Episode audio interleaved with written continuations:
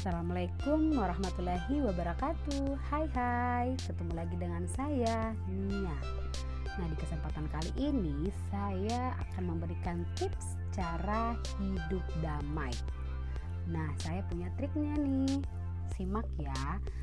Trik cara hidup damai. Satu Anda diam. Dua Anda tenang. Tiga Anda aman Jangan mencari tahu apa yang tidak perlu Anda tahu. Jangan melihat yang tidak perlu Anda lihat. Jangan mendengar yang tidak perlu Anda dengar. Jangan pusing dengan bukan urusan Anda. Jika Anda melakukan trik-trik di atas yang saya maksud, hidup Anda akan terasa damai karena kita tidak akan diusik orang kalau kita tidak mengusik seseorang.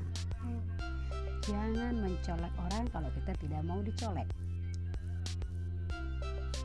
Sekian penjelasan dari saya tentang tips cara hidup damai. Saya Nia, mohon pamit undur diri. Terima kasih, nantikan